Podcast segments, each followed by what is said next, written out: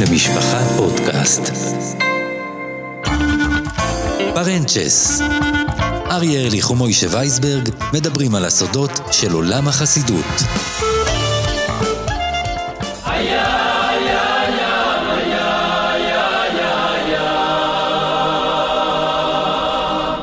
האם יש אדם אחד, יהודי חרדי, יהודי שומר מצוות, שלא מכיר את הניגון שמתנגן עכשיו ברקע, מוישי? אין בן אדם וזה ניגון שאתה יודע, אם זה באוינק צ'אבס של אה, בחורים משיעור א' בישיבה קטנה, אם זה בטישים, בזיצים, אה, אתה יודע, אפילו כאלו שמתקרבים לדת, הניגון הזה תופס אותם, זה ניגון אולי אחד ערגה. הקוריבוין הכי... הכי מפורסמים, נכון? הכי מפורסמים שיש, וגם לא יודעים כולם למי זה למי זה שייך. שייך, ואנחנו כבר נאמר, אבל מוישי, כמה ערגה וכמה כיסופים יש בשיר הזה, זה מדהים. ומעניין מאוד שהשיר הזה חובר לא על ידי אדם אחד, אלא על ידי שני אנשים, ולא סתם שני אנשים, אלא אב ובנו. ובכן, ברוכים הבאים לפרק פרנצ'ס. אגב, התגעגענו מוישי, הייתה לנו הפסקה די ארוכה, וכן, פרק 17, והוא יעסוק אה, בחסידות פיטסבורג. אה, כפי שאתם מבינים, חסידות פיטסבורג היא עולם הנגינה, אני גם אומר, אנחנו ככה יוצאים אה, ערב שבת שירה, זה לפחות המועד ההופעה של הפרק הזה, אין הולם יותר אה, מאשר חסידות פיטסבורג בהקשר של שבת שירה, חסידות שמצטיינת ומתאפיינת בממלכת הנגינה שלה. שלושה דורות של אדמו"רים, חסידות די צעירה אגב במונחי החסידויות, גם לזה נגיע, אבל הכישורי הנגינה והיכולת באמת לבטא את עולם הידידות הפנימי שלהם, את הנפש הפנימית דרך הנגינה, זה מה שמייחד את חסידות פיטסבורג, ובכן, מדובר בחסידות אשדודית שקיימת אה, אה, מזה כמה עשרות שנים אה, באשדוד. אה, שם היא הוקמה, ואתה יודע מה זה אשדוד של אז, אשדוד של אה, לפני 40 לפני שנה. השממה. 30 שנה לפני, בדיוק לפני שהגיעו המון חסידויות, היום יש לא מעט חסידויות באשדוד, אני מדבר איתך על השנים הראשונות. ואגב, אתה יודע, זה גם מה שבאמת האדמו"ר מפיטסבורג, שהוא הקים את אה, אשדוד החרדית, החסידית, הוא עזר גם לאחרים אה, להקים את המוסדות שלהם ואת הקריות, תמיד אה, כל ביקור. של האדמו"ר מפיטסבורג אצל מרן האדמו"ר מבלז, הוא תמיד מספר על איך אה, אבי וסבו הקימו באמת מאפס את, אה, את העיר אשדוד, את, ה, את הציבור החרדי בעיר. אה, זה באמת דבר אה, שמאפיין את פיטסבורג גם. אז בוא נלך אחורה מוישה, בוא נלך אחורה. קודם כל אנחנו, אנחנו נלך לא הרבה אחורה, אלא נלך לימי ההקמה באשדוד. ובכן, העיר אשדוד הייתה עיר שהיה בה מיקס של מרוקאים, גרוזינים, עולים חדשים מרוסיה, זה היה כאילו המקום שאליו המדינה הצעירה שלחה את העולים החדשים, זה לא היה מקום כל כך מבוקש, חרדים בקושי היו שם. ובאמת עיר שכמעט לא יכולת לראות בה שטריימל. ואז הגיע האדמו"ר רב אברום אבא לייפר, שהוא נולד למעשה בכסלו תרע"ח. בעל האמון הסברום. אני זוכר בילדותי, מוישי, קראתי את הספר עליו שנקרא אבא של כולם. אני גמעתי את הספר בשקיקה מכריכה לכריכה. ועכשיו אני רוצה באמת לחוד לך חידה, אנחנו יודעים שהחסידויות אה, אה, באות אה, אה, מרוסיה, מגליציה, מרומניה, ואני רוצה לשאול אותך, מוישי, העיירה פיטסבורג, איפה היא נמצאת? בגליציה? ברומניה, ברוסיה הלבנה, איפה נמצאת פיטסבורג? מה, מה שורשיה של החסידות טוב, הזאת? תשמע, מי שקצת אה, בקיא בבחירות אה, לנשיאות הברית יודע שפיטסבורג זה נמצא בפנסילבניה. ובכן, על שם, על שם הבעיה הגדולה של אותם נייסנים שתמיד אומרים, הבעיה שלנו עם טראמפ זה פנסילבניה. אם יש לו את פנסילבניה, לקח את הנשיאות. אז, אז אפשר, אפשר לומר שהשורשים ניטעו כבר אז, כשהאדמו"ר מפיטסבורג, בקדושתו, ישב בפנסילבניה, כממשיכו של אביו הצידקס יוסף, והקים שם את החסידות. אתה יודע, יש עוד כמה חסידויות שהשם שלהן לא מגיע מעיירה אירופאית, אלא דווקא מארצות הברית. למשל, חסידות קליבלנד, גם היא נכון, נכון. אה, מקורה בארצות הברית. אולי יש עוד חסידות אחת אבל או כולם שתיים. שים לב שהם מגזע בית אה, נדבורנה. נדבורנה, נכון מאוד. אז קודם כל, באמת זכתה אמריקה גם להוציא מתוכה כמה חסידויות שנולדו על אדמת אמריקה, שהשם שלהן נוצר אה, בארצות הברית. ו, ובכן, אנחנו באמת אה, חוזרים אל אותו, אה, אה, אותן שנות יסוד של אה, חסידות פיטסבורג על ידי האדמו"ר רב אברום אבא, שממשיך את דרכו של אביו בעיירה פיטסבורג, ו... אה, מה אתה לאחר אומר? בעל האמונס אברום. בעל האמונס אברום, שהוא היה יהודי אוהב ישראל, מוישי, מי שקרא את הסיפורים עליו, הוא נפטר אה, פתאומי בעשרה בטבת. יפה, נכון, תש"ן. נכון מאוד. תש"ן, עשרה בטבת, נכון? היינו, היינו אז ילדים קטנים, אבל קראנו בשנת תשנ"ג יצא ספר מדהים עליו, אה, מנוקד שאני גדלתי על הספר, כמה אהבת ישראל נשפכה מהיהודי הזה, כמה טוב וכמה פשטות, וארבע אה, שנים לאחר שהוא עולה לכהן כאדמו"ר, זאת אומרת עוד כיהן בחיי אביו, אבל ארבע שנים לאחר שהוא ממלא את מקום אביו בפיטסבורג, הוא עולה בשנת תש"ל לארץ ישראל והוא קובע את מקומו, את משכנו בעיר אשדוד, שהיא אז עיר, כמו שאמרנו, שוממה. ימים אחרים, רוב היהודים החרדים שחיו בארץ ישראל התגוררו בשתי ערים, ירושלים ובני ברק. לא היה אז מוישי, לא ביתר, לא מודיעין עילית, שאתם קוראים קריית ספר, לא אלעד, כל אלה היו חלום רחוק. היה ירושלים ובני ברק, ואז רב אברום אבא מגיע לארץ ואומר, ירושלים יש מספיק אדמו"רים, בבני ברק יש מספיק רבס וחצרות. אני הולך לאשדוד, והוא מקים את חצרו מאפס. מי היה שם איתו? כמה עולים חדשים, כמה יהודים פשוטים, הוא קרב אותם, והוא מתחיל לעשות טישים סוחפים בלילות שבת. גולת הכותרת היא כמובן שירת קוריבוין. קוריבוין, אולם, כולנו שרים את זה, וזה עולם ידידות מופלא של ניגונים, תכף אנחנו נדבר על עוד ניגונים שכולנו מכירים, אבל מעטים מאיתנו יודעים שמקורם בפיטסבורג.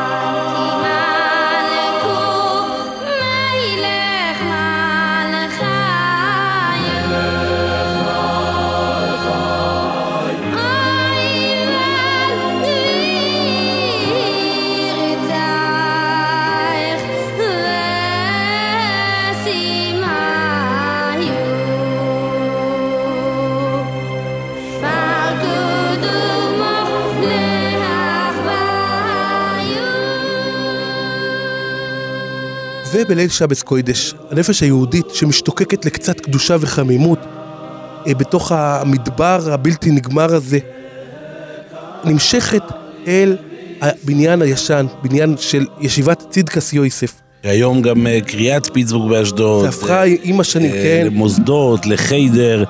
ואגב, אתה נכנס לשם, מוישי, אתה נכנס לשם, אתה רואה את השולחן הארוך. אה, אה, מי, ש, מי שעשה שבת באשדוד, חייב ללכת לטיש בפיטסבורג, אין נכון? אין אחד שיעשה שבת באשדוד ויפספס את טיש ליל שבת בחצר קודש פיטסבורג. ועכשיו, איך נראה הטיש? יושבים שם רק, רק חסידים שטריימלך לא, וספודיקס? לא, זהו, אז היסוד של פיטסבורג זה מקום לכל יהודי ויהודי באשר הוא.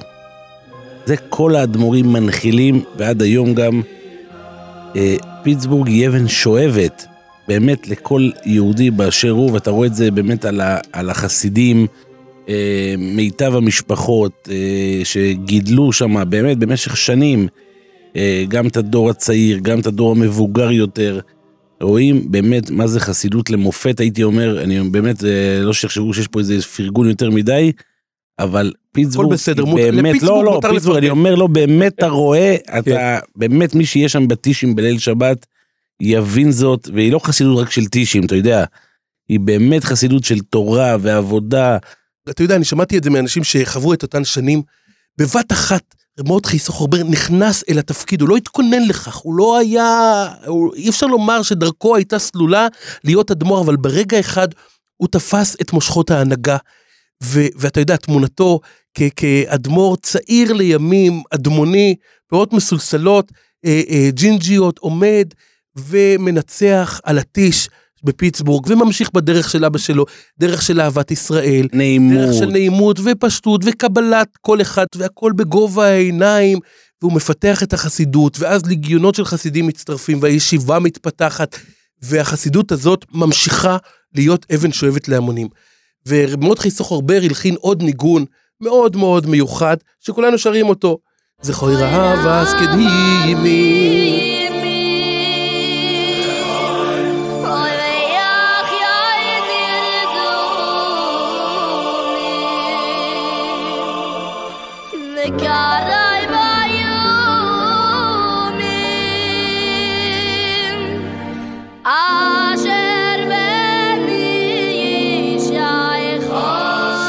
והכל הולך וחזק, והמתיקות נשפכת, וניגון רודף ניגון, הכל בנוסח המיוחד של בית פיטסבורג. כך נראה כל קיש אה, שמורכב כמעט רק מהלחנים של הרבי ואביו.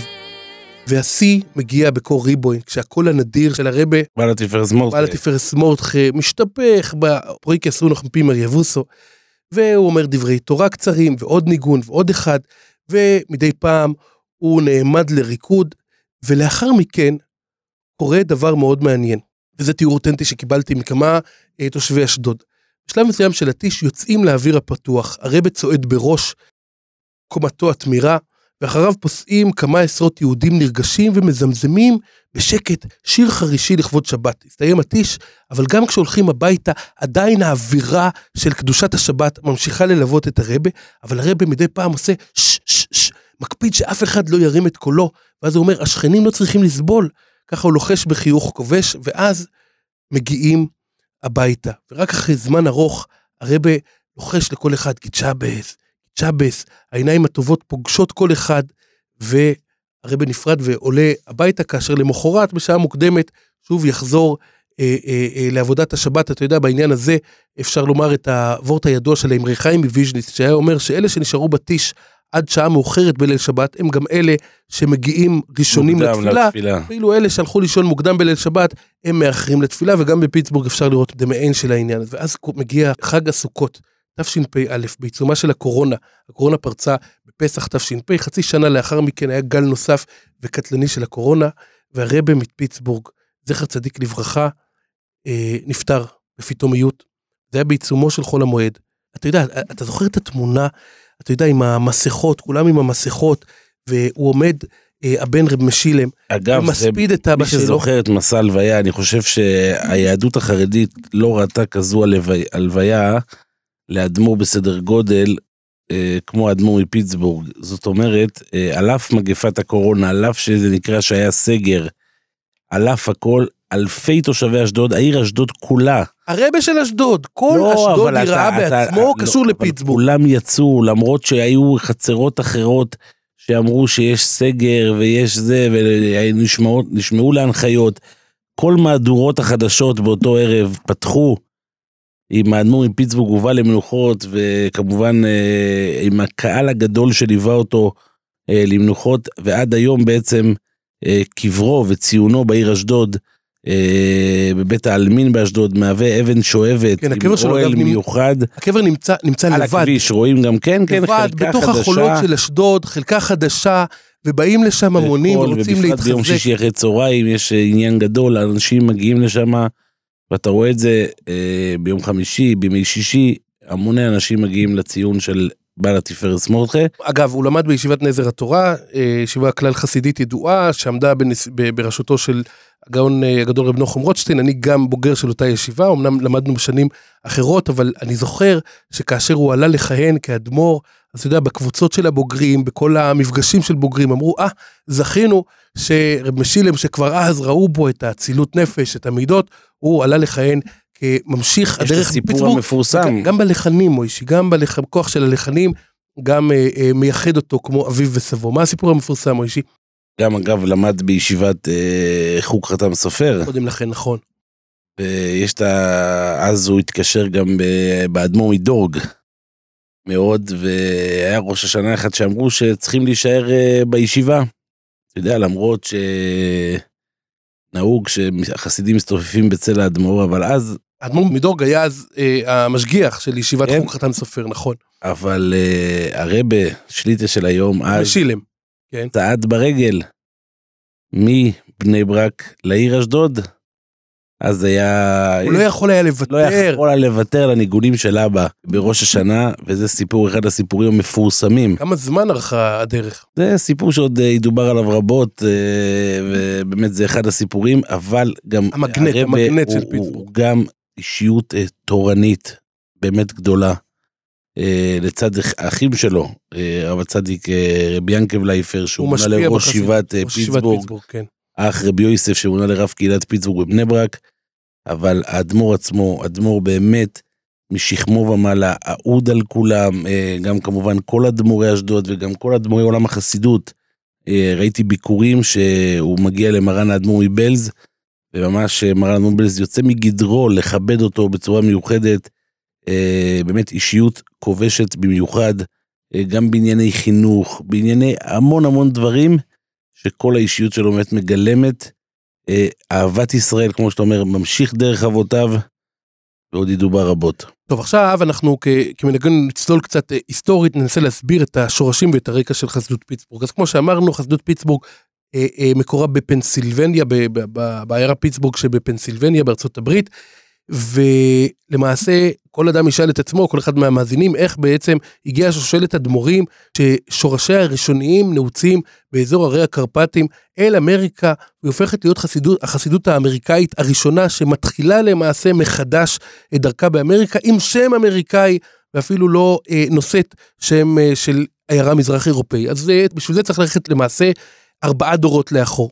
אל העיר קרולי שברומניה. קרולי, כן, עיירה ידועה ברומניה, כידוע לך מוישי, גם בוויליאמסבורג יש אה, חסידות אה, גדולה ובית כנסת מפורסם בשם קרולי, כן. הבן של האדמו"ר מספינקה זצ"ל. נכון, קרולי. אז שם אה, מתגורר אדמו"ר צעיר שקוראים לו הרב הקודש רבי יוסף לייפר זצ"ל, שלימים יקרא על שם ספרו צדקס יוסף, וגם הישיבה באשדוד נקראת צדקס יוסף. הוא מקים לו בית מדרש קטן וחסידים מתחילים לנהור אליו, אלא שהעול הכלכלי מכריע אותו, וזאת מכיוון שאביו, האדמו"ר רבי סוחרבר מסאטמר זצ"ל, אבל בואו לא נתבלבל עם סאטמר הידועה, אלא גם היה האדמו"ר רבי סוחרבר אה, מגזע נדבורנה שהתגורר גם בעיירה סאטמר, והוא מותיר אחריו יתומים צעירים, ולכן הוא גם לוקח על עצמו את עול ההחזקה של האחים היתומים שלו, ודואג לחתן אותם. ואז בלית ברירה, לאחר שבע שנות אדמו"רות, נאלץ הרבי הצעיר לשאת למסע גיוס כספים. ברומניה ענייה הוא יודע שאין לו סיכוי, אין כסף, כולם שם עניים, ולכן הוא מנסה את כוחו ויוצא לבדו אל הגולדנה מדינה, אל ארצות הברית, והוא משאיר בביתו את כל המשפחה.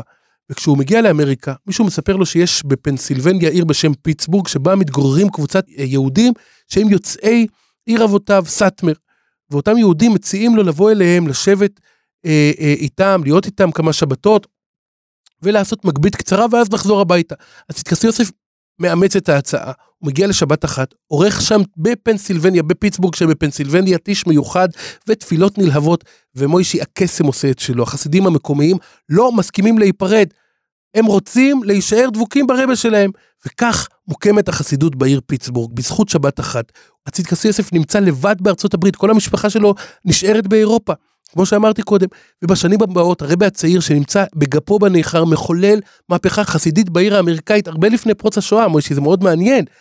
אנחנו יודעים שהפריחה החסידית הגדולה בארצות הברית הגיעה לאחר השואה, הגיע הרבי מסטמר אה, לארצות הברית, רבי יויליש, הגיע הרבי אריאץ מלובביץ' בשנת תש, תוך כדי המלחמה מגיע לארצות הברית, מגיעים עוד אדמו"רים, והאדמו"ר מבובוב מגיע אחרי השואה ועוד ועוד, אבל האדמו"ר מפיטסבורג, למעשה הציד כסף נמצא בארצות הברית עוד לפני המלחמה, עוד לפני פרוץ המלחמה, והוא מקים שם חצר ופותח בית מדרש, ותוך שלוש שנים כבר מייסד בארצות הברית ישיבה לצעירים, ורק בשלב הזה הוא משגר איגרת לרבנית שלו, הרבנית סורת טויבה, שנותרה באירופה עם הילדים, ומבקש ממנה לבוא אחריו לארצות הברית ולחבור אליו.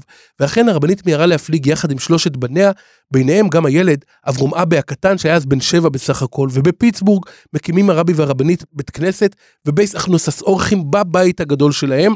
ובמקום הזה מוצאים כל המשולוחים שבאים מאירופה ומארץ ישראל, שבאים לגיוס כספים, מוצאים מחסה ומארחים אותם בכבוד גדול, וביתו של הרבי מפיטסבורג הופך לשם דבר ולכתובת. וגם כשברוקלין, מחוז ברוקלין בניו יורק מתחיל להתפתח, ויהודים שומרי מצוות מתחילים להתיישב בו במקביל למלחמה ובעיקר לאחריה, הצדקת יוסף מסרב לעבור אל המרכז הגדול של ה... שהולך ומתהווה בברוקלין ובאיסט סייד של אז, אלא הוא נשאר בפנסילבניה, ואם תרצה אתה יכול לראות בכך רמז למה שיעשה בנו לימים כאשר הוא יגיע לארץ בשנת תש"ל, והוא לא אה, אה, ילך לבני ברק או לירושלים, מובנות מעליהן, אלא יחפש את המקום הנידח, את המקום הפחות אה, אה, אה, מפותח מבחינה רוחנית, והוא מגיע לאשדוד. אבל, מוישי, יש משפחה אדמו"רית חסידית בפנסילבניה, בפיטסבורג, אבל מה? אין להם חיידר. לאן הוא ישלח אותם? ללמוד חלילה בבית ספר גוי? ברור לחלוטין שלא, ולכן הוא הופך להיות גם הרבה שלהם, המלמד שלהם. הוא, הוא מקיים איתם את מצוות ושננתם לבניכו, ויושב ללמוד עם הילדים שלו כמלמד מן המניין. אבל מוישי, יש חוק בארצות הברית, יש חוק חינוך חובה. ההסדר הזה לא מוצא חן בעיני השלטונות האמריקאים, והם משגרים אזהרה להורים ומאיימים בענישה פלילית אם הילדים לא ילכו ללמוד בבית ספר, בפאבליק סקול, בבית ספר ציבורי, הרבי והרבנית מבינים שאין ברירה, אבל על חינוך הרי לא מתפשרים, ובלית ברירה הם מחליטים לשלוח את הילדים שלהם בחזרה להונגריה. והנער הצעיר אברום אבה בן ה-12 עוזב את הבית שלו בפנסילבניה, ונוסע בחזרה להונגריה, לעיר רחוב. שם הוא לומד ארבע שנים אצל רב העיר, הגאון רב שלמה זלמן פרידמן, שגם מסמיך אותו לרבנות. ומאוחר יותר הבחור האמריקאי, הוא כבר בחור אמריקאי, כבר היה ארבע שנים בארצות הברית, והוא עובר לישיבת סקל היד ללמוד אצל אה, הגויין הצדיק רבי יהודו סגל רוזנר, וכאן חבשו עמו את ספסלי בית המדרש, אישים שהתפרסמו מאוחר יותר כגדולי תורה, ובהם האדמו"ר בברום יצחוק אה, כהן מתולסר, והוא למעשה את הגעגועים לבית אבא הוא מטביע בלימוד התורה, הוא שוקע בלימוד התורה בהתמדה, עד שיום אחד מישהו קורא לו החוצה, ואומר לו ולאחיו, יש רבנית שמחכה לכם בחוץ. וכשהם יוצאים, הם פוגשים את אימא שלהם שהגיעה במיוחד מאמריקה לבקר את ילדיה הצעירים שנמצאים בהונגריה. וכאן אנחנו חוזרים למעשה לאירוסין שלו בשנת תרצ"ז, אה, הבחור אברום אבא לייפר מתארס עם הרבנית רוכל, בתו של אה, האדמו"ר הזקן רבי סומור מן הדבורנה, אבל החתונה מתעכבת זמן רב כי האבא נמצא עדיין בארצות הברית. ואז בשנת תרצ"ט, כשרוחות המלחמה כבר מנשבות באוויר, הבינו כל הצדדים שאין ברירה והוא נכנס לחופה ללא אביו. החתונה נערכה בצ'רנוביץ' שבה התגורר חמיב, ושם הוא למעשה התמנה לכהן כרב בית הכנסת הגדול בעיר. ואז מוישי, נקשרים השמיים בעננים שחורים ופורצת מלחמת העולם השנייה, המחיר המשפחתי הוא יקר, שני אחיו של הרבי רב אברום אבא נהרגו, וגם בנו בן השש חיים, השם ייקום דמו. הוא עצמו, הרבי רב אברום אבא, ניצל בניסי ניסים, ובשנת תש"ח הוא מצליח להגיע לארצות הברית יחד עם חמיו רבי איתמר מנדבורנה, וכאן נפרדות דרכיהם. רבי איתמר מנדבורנה עובר להתגורר בוושינגטון הייטס, ואילו חתנו רבי אברום אבא ממהר לעיירה פיטסבורג, לאבא שלו, להתאחד עם אבא שלו, ושנה שלמה הוא גר לידו, אלא שאז הוא עובר, לאחר שנה הוא עובר לניו יורק שבניו ג'רזי, כפי שאמרנו, ושם הוא מקים בסמדרש בשם אהבס ישראל, לצד בניין הכנסת אורחים, בדיוק כמו אבא שלו. אבא שלו הקים בסמדרש ובייס הכנוסס אורחים בפיטסבורג, ואילו הוא מקים דבר דומה, מפעל דומה בניו יורק. ובשנת תשכ"ו, כאן אנחנו חוזרים להסתלקות של הצדקס יוסף, ורב אברומה במעלה את ארונו לקבורה בחלקס הרבונים שבהר המנוחות, גם כן אבן שואבת לרבים שבאים אה, לשפוך אה, צקון אה, שיח.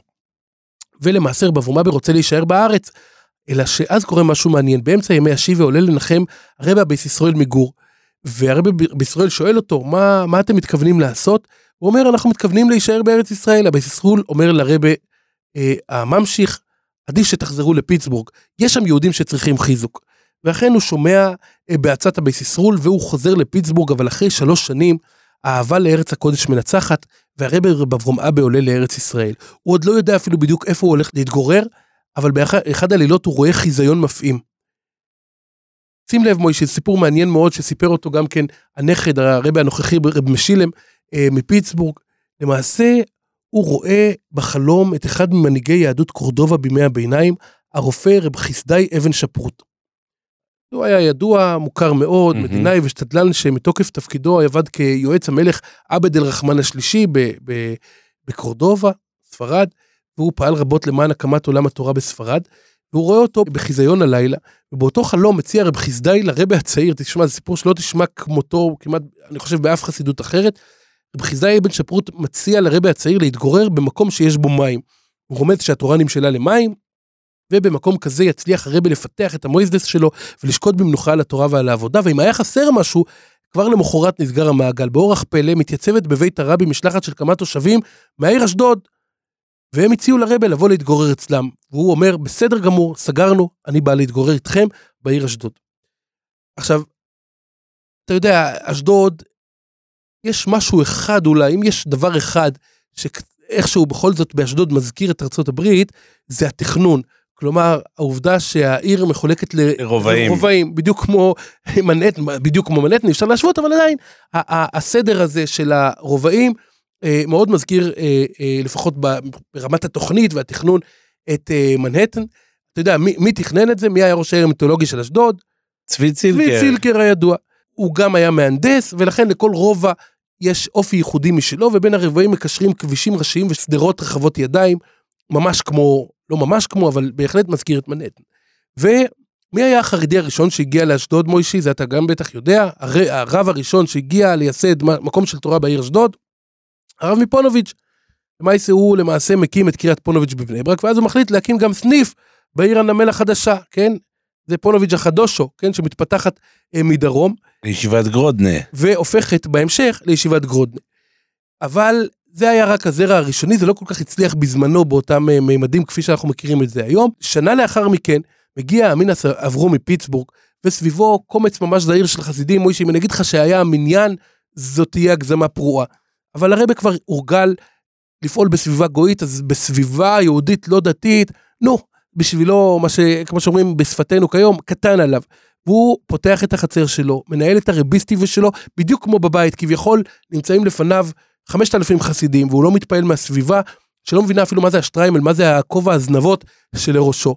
אבל רק דבר אחד הרבי אמינוס אברום לא מסכים לעשות, וזה להביא למקום בחורים צעירים. הוא אומר, נכון, היה נחמד, יהיה נחמד מאוד לצעוד לטיש בליל שבת כשמסביבי עשרות בחורים, אבל מי יכול לקחת על עצמו אחריות לגדל בחורים במקום כזה? ושים לב לוויתור, מוישי.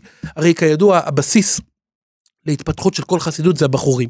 אנחנו יודעים שהבחורים הם אלה שמפתחים את החסידויות, גדיים נעשים תיישים, וככה מקימים גרעין, אבל הוא לא רוצה לקחת אחריות על בחורים, ולכן הוא למעשה אה, אה, נמצא עם מתי מספר, אפילו בחורים הוא לא מביא.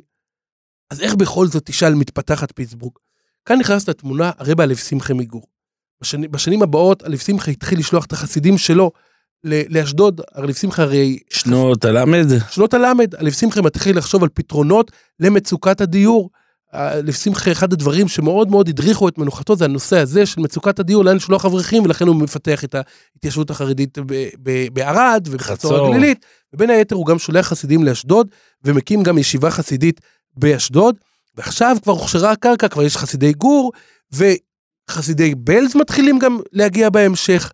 וכך הרבי מפיטסבורג מתחיל לגבש את הישיבה שלו לאחר שכבר יש עוד חסידויות, אז גם הוא מרשה לעצמו להקים ישיבה באשדוד, והוא מקים את ישיבת צדקס יוסף. יש, יש סיפור ידוע על מוניה שפירא. מוניה שפירא אה, אה, פגש את, אה, את אה, ראש העיר אשדוד, וניסה ככה לדבר על ליבו, לתת אה, הקצאות למוסדות אה, חרדיים, וניסו אז לגייס את הרבי האמון הסברום מפיטסבורג, שהוא ידבר על ליבו של ראש עיריית אשדוד. ומציעים למעשה לאמון הסברום שהוא יקבל שטח למויזדס שלו. מסבירים לו, חסידי גור ובלז מנסים לבוא לכאן, אם הם יבואו, העוגה של התקציבים החרדיים תקטן, ואני לא מאמין שלפיטסבורג יישאר משהו. כלומר, אה, אה, אחד מפרנסי העיר אשדוד, אני לא יודע אם זה היה צילקר או מישהו אחר, אומר לאמון הסברום, כדאי לך לפתוח ישיבה כדי שבלז או גור לא ייקחו לך את, ה, את, ה, את ההקצאה. ועיניו של הרבי אמון הסברום מצטעפות בדמעות, והוא אומר, כבר עשר שנים שאני מוריד דמעות כדי לזכות לראות את העיר אשדוד הופכת למקום תורה, עכשיו כשהגיע הזמן אתה רוצה שאני אעצור את זה? והוא כמובן לא רק מפרגן אלא מעודד את זה שיבואו חסידי גור ויבואו חסידי בלז ויבואו עוד ועוד חסידויות. היום מוישי, כמה, כמה חסידויות ישנן באשדוד? אני, אני המון, לבד המון, המון. טולן, שומרי מונים, צ'רנוביל. צ'רנוביל, אה, עם א'. כן, כן, צ'רנוביל, אה, מליץ, אה, ביאלב שיסחה, יש עוד הרבה הרבה הייתי, חצרות. הייתי אומר מוישי לכאורה, לכאורה, ואל תתפוס אותי, אבל אתה יודע לתקן אותי אם אני אטעה, זו העיר השלישית בגודלה מבחינת מספר האדמו"רים שמתגוררים בה, אחרי בני ברק וירושלים. כן, יכול להיות נכון? בהחלט. איפה יש יותר בית אדמו"רים? שמש גם מתרחבת מבחינת אדמו"רים, כן, כן. כן, עדיין אני חושב שאשדוד מובילה, ואני, במידה רבה ההצלחה הזאת נזקפת לחזון של האמון הסברום אברום אבא מפיטסבורג. וזה זה מאוד מעניין, אתה יודע, שסיפר באמת הרבי רב משילם, סיפר שפעם אחד מאדמו"רי אשדוד ביקר בביתו של אבא שלו, הרבי רב מרדכי סוחרבר, ואחד המקורבים שאל שם בביקור, האם לא מפריע, ל- האם לא מפריע לרבה שבאים לכאן אדמו"רים נוספים וכביכול לוקחים את החסידים, כי פעם פיטסבורג הייתה החסידות היחידה, הרבה היחיד באשדוד. ורב מרדכי סוחרבר הרים את המבט המשתומם שלו ואמר, אין יום שאני לא מתפלל על כל אדמו"ר שמגיע לכאן שהוא יצליח וישגשג. בדיוק, זה אמרת את כל חסידות פיטסבורג, הקרבה שרוצים לראות בהצלחת השני של כל אחד, הפרגון הגדול, חסידות שמפרגנת, באמת חסידות עין שמפרגנת, טובה, לא רואים, חסידות של עין טובה. עין טויבו, ולמרות, אתה יודע, ש... ש... יכולים להגיד, תשמע, זה כמו שאתה אומר, זה לא, אין, לא רואים את הצד הזה בכלל, שום דבר, הכל בשביל השני. אבל אל תחשוב שאותו מקורב ששאל את השאלה הזאת, את הרבה מפיטסבורג, אל, אל תחשוב שהוא קיבל את הדברים בקלות. הוא ככה התחיל לפקפק, הוא אמר, נו, אבל בכל זאת, זה, זה, זה, זה מפריע לכם ל- להתפתח. ואז אתה יודע מה ענה לו הרב מפיטסבורג? הוא אמר לו, בוא, אני עכשיו הולך להגיד לך את שמו ושם אמו של כל אחד מהרבס באשדוד. הוא התחיל להגיד את השם של הרבי ממליץ, ואת השם של הרבי מצ'רנובל, ואת השם, השם של כל אחד ואחד מאדמו"רי אשדוד, שמו ושם אמו, אני מתפלל עליהם בכל יום שהם יצליחו וישגשגו. כל כך היה חשוב לו בדרכו של אביו, רב אברום אבא, שאשדוד תהפוך למקום של תורה. וכאן אנחנו חוזרים ליום המר והנמהר שאתה הזכרת, עשרה בטבת תש"ן, ילדי אשדוד דאז לא ישכחו את זה. בפתאומיות נפטר. למעשה הרבי מאשדוד נפטר, כן. שאלת הממשיך הייתה ברורה. 20 שנים קודם לכן שיקל הרבר בברומבה את בנו, האברך המופלא רבי צחוק אייזיק, זכר צדיק לברכה, ואז נשאר לרבה בן אחד, רב מורדכי סוחרבר, שהיה אז, מוישי, נער לפני בר מצווה, והוא נולד בארצות הברית. והוא התחנך וגדל בצל אביב, וכמו שמקובל במסורת האדמו"רים לבית פיטסבורג, אחרי כמה שנים הוא נשלח רחוק ללמוד בישיבות הטובות במרחק מהבית, בדיוק כמו שאבא שלו, אבא שלו נשלח הרבה יותר רחוק, נשלח מארצות הברית להונגריה, אבל גם הוא אה, הרחיק. בשלב הראשון הוא נכנס ללמוד בגרודנה שהייתה ב, באשדוד, אבל בהמשך הוא נשלח אה, לירושלים ללמוד ב, בישיבת שיבין. אגב, היה לו מסורת להגיע כל ליל ראש השנה גרודנה. גם ל... כן, ולהגיד אה, לשונותו יבוא. לרב קרנשטיין. הוא היה כן, תלמיד של כן, הרב כן, קרנשטיין. כן, להגיד לשונותו יבוא, וגם מסורת שממשיכה היום עם הראשי והרב אדמו"ר מפיטסבורג שליטה, והרב שמידה, החתן של הרב קרנשטיין. אה, אבל הוא היה, הוא היה תלמיד של רב דוב, דוב צבי קרלנשטיין. כן, כן, בעל המגלי צדק, ראש ישיבת גרודנה המיתולוגי. ו- ואתה מדבר על זה שבראש השנה הפיטסבורג הרבי הלך לישיבת גרודנה, אבל אתה יודע שרב דוב צבי קרלנשטיין מדי פעם היה הולך לטיש. של התלמיד שלו כן, אה, כן. בלילות שבת. ולאחר מכן הוא גם נסע לתקופה ללמוד בלייקווד שבארצות הברית, שם הוא למד בישיבת לייקווד, בישיבת בייס מדרש גבוה, ולמעשה שם למעשה הוא נבחר לחתנו של הפויסק האמריקאי המפורסם, מי זה? רבי יצחק אייזיק ליבס, שהיה אב"ד אגודס הרבונים בניו יורק, מחבר שו"ת בית אבי. וכמה שנים, שנים לאחר החתונה הוא חוזר לארץ, והוא מתגורר בהתחלה בטלסטון, ולאחר מכן באשדוד, ולמעשה מאז שאבא שלו הקים את הישיבה, את ישיבת קסי יוסף באשדוד, שימש הבן רב מרדכי יששכר בר כראש ישיבה, תחת שרביט הנהגתו של אביו, והוא למעשה מבסס את חסידות פיטסבורג ו- ועוזר לאביו להפוך את החסידות לקהילה, ואז מוקם השיכון, שיכון חסידי פיטסבורג, ונבנה בניין חדש לישיבה. עכשיו רב מרדכי סוחרבר, בדיוק כמו אבא שלו, שימש כאביהם של התלמידים בישיבה. אני זוכר סיפור שהתפרסם אה, בשבעה לאחר פטירתו, על בחור, בחור שמספר איך הוא הגיע מבית עני בירושלים, אה, סבל מהפרעות קשב וריכוז. חשבו שהוא מופרע, אז לא, לא היו מאבחנים, לא היו את, ה, את האבחונים כמו בימינו, זה לא היה מפותח, ואף ישיבה לא רצתה אותו. הוא אומר, נשארתי לבד בבית עד שקרוב משפחה סיפר עליי לרבי מפיטסבורג. עכשיו, כל רבי אחר היה נזהר לא להביא לישיבה שלו כזאת צרה. מי צריך כזה תיק? למי זה חסר? אבל הרבי מפיטסבורג קרא לי, הזמין אותי אל ביתו, הסתכל עליי, ודבר ראשון אמר לי, למה הכובע שלך כל כך מרופט? זה לא. לא מתאים לבחור כמוך. הוציא מהמגירה שלו 500 שקל, אמר לו, תלך לפרסטר, תחזור עם כובע חדש. מאז חיי השתנו, הוא קנה לי, העמיד אותי, חיתן אותי, בחן אותי, למד איתי ודאג לכל ילדיי. וזה היה למעשה הרבי מפיטסבורג, ש... שדאג לכל ילד בדרכו של אביו ובדרכו של סבו. עכשיו, מוישי, חייבים לספר את הסיפור על וידע כל פעול. את הסיפור על וידע כל פעול אתה מכיר? עם הבת של הרבי. סיפור מחריד, כן, הב- הבת של רב מרדכי ישכר. בוא נשמע את השיר קודם. וידע כל פעול. בבקשה, נשמע את וידע כל פעול. וידע כל פעול כי אתה פעלתו ויבין כל יצור כי אתה יצרתו ויאמר כל אשר נשמה באפו, נשמה נשמה ביפוי. יעידה כל פור, כי יחתו בילדוי, ובין כל יציעים, כי יעתו יבצרדוי, ויוהי מר כל אשר, נשומו ביפוי. שומנה שומנה גדליה פור אשר דמלויכאי דלויכאי סרווי דלויכאי סרווי בי מיילכ מייליי יי מלחי סוי מקוי מוו שומנה או יי הסיפור הזה הוא מצמרר, זה היה לפני כ-22 שנה, באותה שנה חל ראש השנה סמוך לשבת. הרב רמוטחי סוחרבר ישב בביתו כאשר במרחק עשרות קילומטרים במחלקה האונקולוגית של תל השומר שכבה בתו, ילדה צעירה, עליה שלום ונלחמה על חייה. הדאגה של האב, שבמשך שלושה ימים לא היה יכול ליצור קשר, הייתה דאגה נוראית. והרבה, באמונה של בעל איסורים, ביקש לו נחמה ותקווה. התפילה העמוקה שלו כמובן ניגש לפני התיבה, והתפילה שלו הפכה לניגון שבכל בית יהודי שרים אותו בראש השנה. הוא מלחין תוך כדי התפילה, כשליבו שבור לרסיסים, כשהוא לא יודע מה קורה עם הבת שלו, חיה, מתמודדת, מה קורה איתה? הוא מתחיל לשיר וידע כל פועיל כי התופי יהלתוי, נהר של דמעות נשפך מתחת למקום אה, אה, אה, עמידתו של הרבה לפני העמוד בבית המדרש צדקה יוסף באשדוד, ואכן כמה ימים לאחר מכן נפטרה בתו של הרבה מפיטסבורג, וכשהשמיעו את הניגון הזה לרבה מסקולן זצ"ל שגם כוחו בנגינה היה גדול, הוא אמר לראשונה הבנתי משמעות חדשה במילים הללו. אבל אה, כמו שאמרנו, מעל הכל עומד הניגון הכי מפורסם של הרבה, הניגון שבשבילו מאות מתושבי אשדוד היו מוכנים ללכת בליל שבת קילומטרים, זה הניגון קור ריבוין. גם כאן ההלחנה הייתה בשלבים. אה, זה התחיל בשנת תשמ"ח, עוד בחיי אביו האמון הסברום, אז הרבה אה, הלחין את הלחן הראשון על הבית אלוקו דילי. אלוקו דילי יקר הרביסו אלוקו.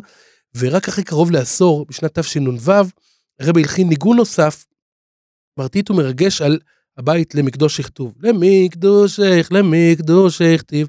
ושלוש שנים מאוחר יותר הושלמה היצירה, כאשר הולחנו גם הקטעים של שבוכין הסדר ורב רבין אויבדך. אה, כששבוכין הסדר זה במקצב נוגה כזה, שבוכין הסדר, צפרו ורמשו, ואילו רב רבין אויבדך זה אה, מרש קצבי סוער. ועדיין, גם אתם מאזינים לאלבומים של ניגוני פיטסבורג, אין כמו להשתתף, אינה דומה, אני חושב שמאמר חז"ל אינה דומה שמיעה לראייה, חלה ביתר שאת ועוז על ניגוני פיטסבורג. לא הרי שמיעת ניגון של פיטסבורג באלבום כהשתתפות בטיש של הרבה מפיטסבורג זצ"ל, וגם כיום קדושה לא זזה ממקומה, וגם ההתלהבות והיכולת וההתחדשות ממשיכה ביתר שאת ויתר עוז. כשמגיעים לניגון, לחלקים האלה בקוריבוין, בלמקדוש הכתוב, באלוקות דיליי, הלב עולה על גדותיו. בשבתות של בית המצורים למשל, היה הרבי מפיטסבורג חוזר שוב ושוב על למקדוש הכתוב ולקוידש קודשין, מדגיש כל מילה, מחדד כל מילה, לש כל מילה. כמובן מלאכת לש אסורה בשבת, אבל לישה כזאת של הרגש, זה בהחלט מותר ואף רצוי. כמה נעימות נשפכת שם. לא רק הקול של הרבי היה נשמע בקודש, אלא כל הלב, השטיק ארץ, כמו שאומרים, בפיטסבורג. רבר מוטרי סוחרבר נוהג היה לומר שעולם הנגינה הוא עולם של תשובה. הוא היה אומר, פגשתי בחיי עשרות יהודים, גם בקהילות מרוחקות מאוד בארצות הברית, שהניגונים הללו הם הקשר שמחבר אותם ליידישקייט. בעיניי, זו שליחות. כך נוהג היה הרבי לומר.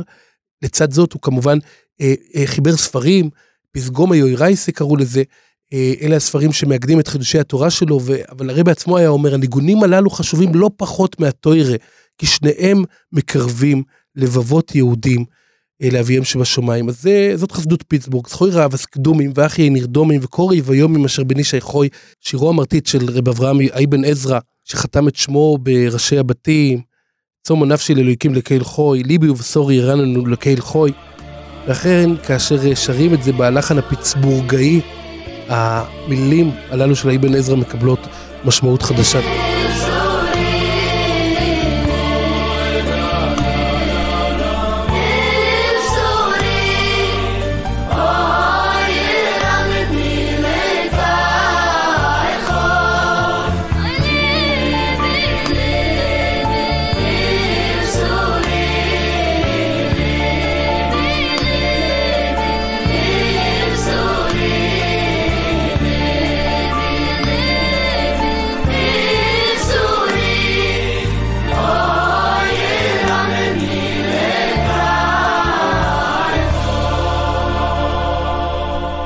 אני רוצה לסיום להודות לידידי ועמיתי כאן בעיתון משפחה, רבי ישראל אלתר גרובייס, אשדודי מילדות, ובנו, של הרב החסיד רב דוד שמשון גרובייס, שהוא מגדולי המשפיעים בישיבה של חסידות פיטסבורג, שם הוא העמיד אה, דורות של תלמידים תחת שלושה אדמו"רים, האדמו"ר האמונת אברהם, האדמו"ר הקודם רב מרדכי ישכר בער, וייבדל לחיים האדמו"ר הנוכחי, הרב הצדיק רב משילם אה, מפיטסבורג. ותודתי נתונה לישראל, שחלק גדול מן הסיפורים ששמעתם בפרק הזה מבוססים על אה, שיחות מרתקות שהיו לי איתו, על בסיס זיכרונותיו, זיכרונות הילדות שלו בחצר הקודש פיטסבורג. אני חושב שאין מתאים מלסיים בניגון.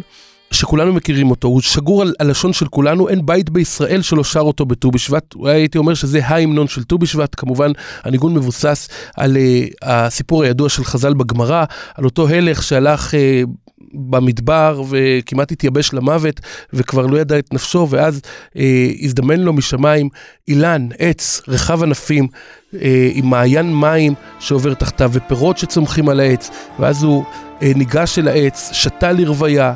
אה, אכל מפירות העץ הזה, ואז נשכב לנוח, ולאחר שהוא החליף כוחות, הוא פנה להמשיך בדרכו, והוא רצה להכיר טובה לעץ, והוא אמר לו, אילן אילן במה אברכך, פירותיך מתוקים, צילך נאה, אמת המים עוברת תחתיך, במה אני יכול לברך אותך? אלא יהי רצון שכל נטיעות שנוטים ממך יהיו כמותך. ובאחד השנים, כנראה שזה היה בט"ו בשבט, ישב האדמו"ר רב אברום אבא, בעל אמונת אברהם מפיטסבורג, אותו אדמו"ר שסיפרנו על קורותיו אה, במלחמת העולם השנייה, איך הוא התחתן אה, תוך כדי אה, אה, שאירופה מתקדרת במלחמה והתנתק, נאלץ להתנתק מאביו ובסופו של דבר לאחר המלחמה בתש"ח הוא עובר לארצות הברית, מקים שם את חצרו ולאחר מכן בתש"ל הוא עולה לארץ ומפריח את השממה הרוחנית באשדוד והוא יושב באחד השנים בט"ו בשבט ורוצה להודות לקדוש ברוך הוא, פיו מלא הודיה באמת על הפירות המתוקים, על הצל הנאי, על אמת המים שהקדוש ברוך הוא מזמן לנו בחיים. ואז הוא מלחין את הניגון הזה שכולנו שרים אותו ומי ששומע את האלו יהי רצון, כן, תפל הזה,